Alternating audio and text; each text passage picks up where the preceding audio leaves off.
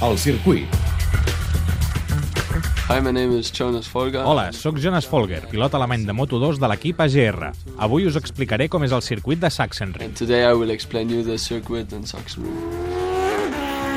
First sector is very, very, very small corners, uh, very tight. El primer sector es caracteritza per revolts petits i estrets. No hi ha frenades, et limites a jugar amb el gas, obrint i tancant. Lines that you can use here. Hi ha diferents traçades, sense rectes, només una successió de revolts que passes amb la mateixa velocitat. No has de tocar el fre i mantenir la velocitat al màxim possible. Second, you have just one right-hander and then the, and then Al segon sector tens una de dretes i de seguida una successió de revolts d'esquerres fins al revolt número 11. Tampoc no frenes. exit from from corner three. It's the the last right-hander.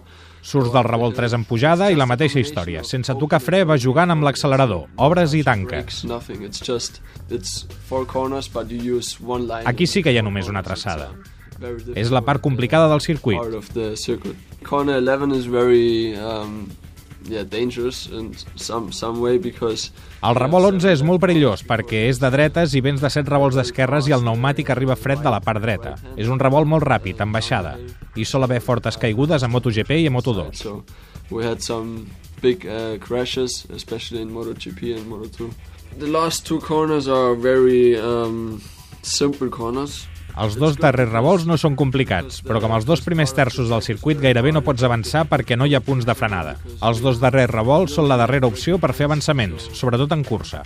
A la darrera volta els avançaments es fan allà, perquè els tres primers sectors és pràcticament impossible d'avançar ningú. Uh,